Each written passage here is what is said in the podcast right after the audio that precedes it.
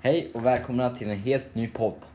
Idag har vi ett helt nytt ämne som ni ska få höra om. Men innan vi avslöjar det så ska ni få tre ledtrådar. Ska du börja med den första Gustav? Ja, ledtråd nummer ett. Man kan ha det till allt. I alla fall nästan. Inte till tacos eller till att laga till en bil men man kan göra det till frukost och mellis och till att äta korv på till exempel. Ehm, Den andra ledtråden är ju att det har sitt ursprung i byn Kaunisjärvi. De kan bo där så. Och ledtråd nummer tre. På tyska heter det Grossmuttersbrot. Om ni inte har listat ut det vid det här laget så ta det lugnt för ni kommer snart fatta. Över till nästa gäst.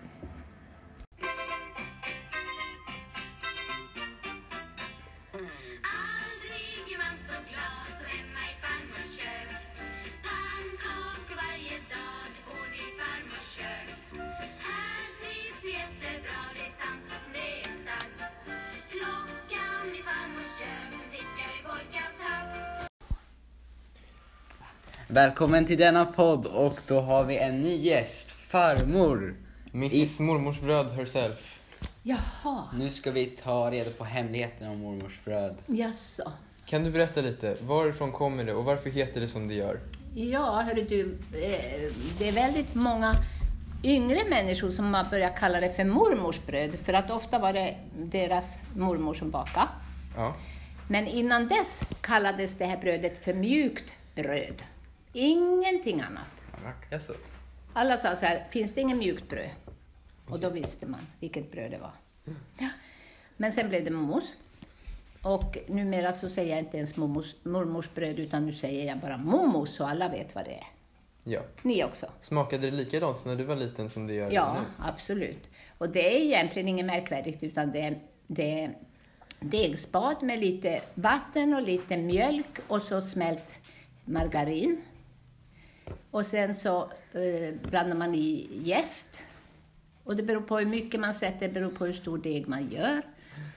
Men, eh, och sen blandas det ihop och sen sätter man i mjöl och då kan man sätta i lite havregryn för att det blir lite grövre. Man kan sätta rågsikt, man kan sätta vetemjöl. Så nu har det avslöjats för hela världen det hemliga receptet Ja. på momosbröd. Jajamän. Men hur tror du att det kommer fortsätta i framtiden? Tror du att vi kommer kunna lära oss göra det lika bra som du och farfar gör? Ja, jag tror ni kan redan nu. Okej, då är det bara att börja. Ja. Så hädanefter så bakar ni ert eget bröd. Vilket hot! Visst var det bra, Stickan? Trots att det heter momosbröd så är ju den som bakar mest nu faktiskt eh, vår farfar. Välkommen till podden. Ja, tack så mycket.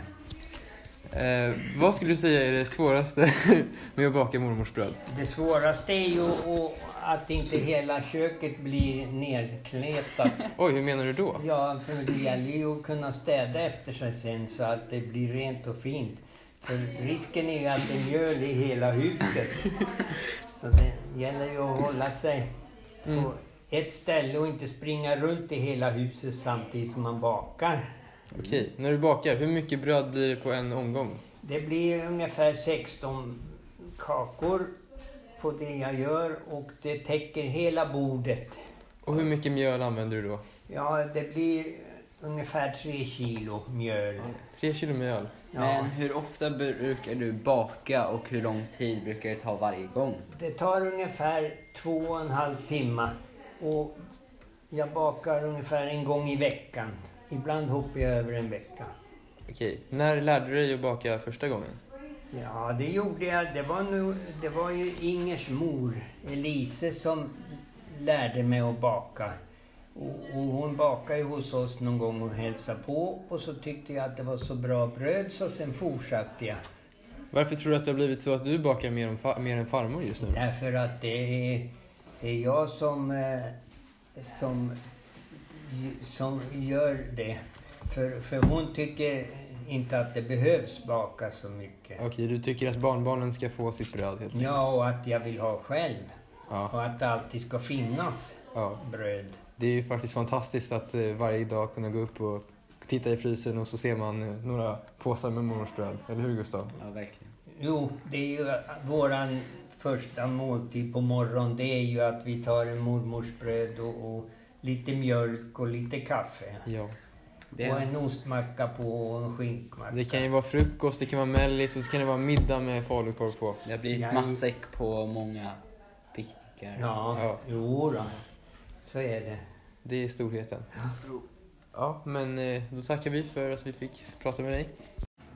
Men om ni inte har smakat på brödet själva så kan det ju vara svårt att övertyga sig om att det är så gott som det är. Eh, och därför har vi bjudit in en ny gäst i podden. Eh, en man som ska ge sin syn på det här brödet. Ja, det här är en riktig gourmetsmakare som man verkligen kan lita på. Här kommer han. Hej William Iversson, välkommen tillbaks till eh, Sommarpodden. Tjenare Simon och Gurra. Ja, idag har ju vi ett avsnitt som handlar lite om mormors bröd. Och du är ju en av de personer som har fått äran att smaka det. Eh, Kommer du ihåg hur, vad du tyckte om det när du smakade det?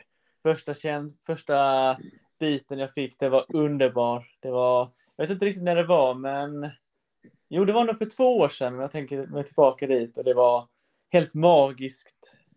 Ja. Vad skulle du säga är styrkan med det här brödet? Ja, att det är ju hembakat. Det är ju det som är det speciella.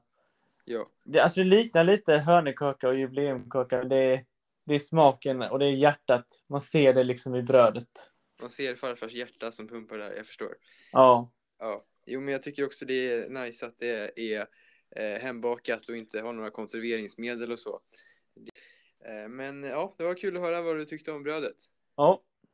Eh, vi hörs. Vi hörs. Bye, bye. Och om ni vill höra mer om Momos eller bara höra farfars röst så tycker jag ni ska kolla in vårt extra avsnitt eh, om hur man bakar mormors från grunden.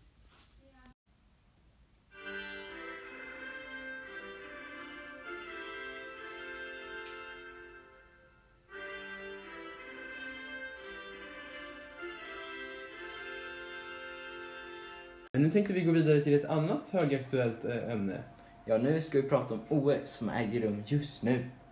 i Tokyo.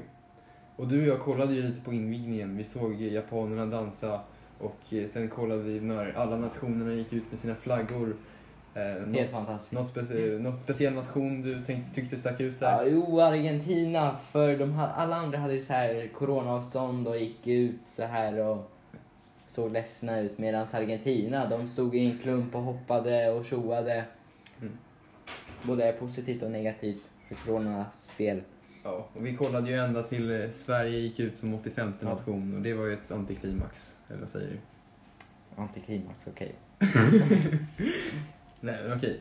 Men eh, redan innan invigningen så spelade ju Sverige damfotboll mot USA. Vad säger du om den matchen, Gustav? Jo, men eh, det verkar ju som att Sverige har väldigt bra förutsättningar för att kunna vinna detta OS när man till och med krossar USA. Mm, det skulle vara stort. Sen har man ju också vunnit över Australien. Australien.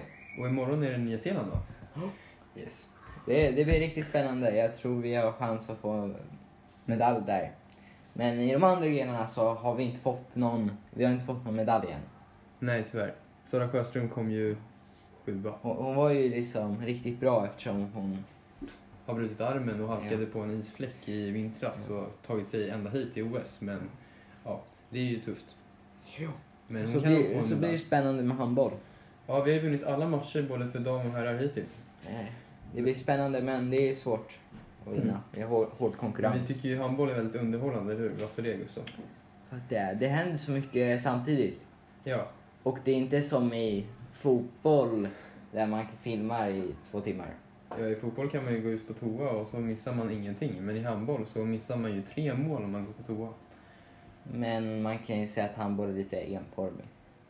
Om man Ja. jämför med fotboll. För fotboll kan ju i princip vad som Jo. helst hända. Men man vet alltid att slutsekunderna blir ju rafflande. Ja. Ja. Eh, Men vi ser ju fram emot friidrotten såklart, där vi har våra två guldhopp. Ett av dem är ju Jakans stolthet. Från Jakan, Daniel Ståhl. Ja. Och ja, hans mamma är vi lite bekanta med. Pappa har ju jobbat eh, på samma fritid som henne. Och härom, häromveckan så var jag funktionär tillsammans med herr och fru Ståhl. Ja. Så det, vi Och hoppas på så, honom. och så har vi Armand Duplantis. Ja, Och ha- han har ju hård press på sig att han ska vinna. Mm. Och det ska han verkligen göra. Ja, det bryr, man bryr sig inte om ifall han är amerikan eller svensk. Han ska vinna. Han alltså- Eller, han är halvsvensk. svensk. Ja, precis. Han har en svensk flickvän till och med, så han borde ju lära sig svenska snart tycker jag. Han, han, har- han brukar ju prata lite svenska men inte så bra. Men på Idrottsgalan så höll han ju alla tal på svenska. Helt fantastiskt. Ja, han är en fin kille. Ja, jag har sett honom flera gånger i Sollentunahallen. Mm.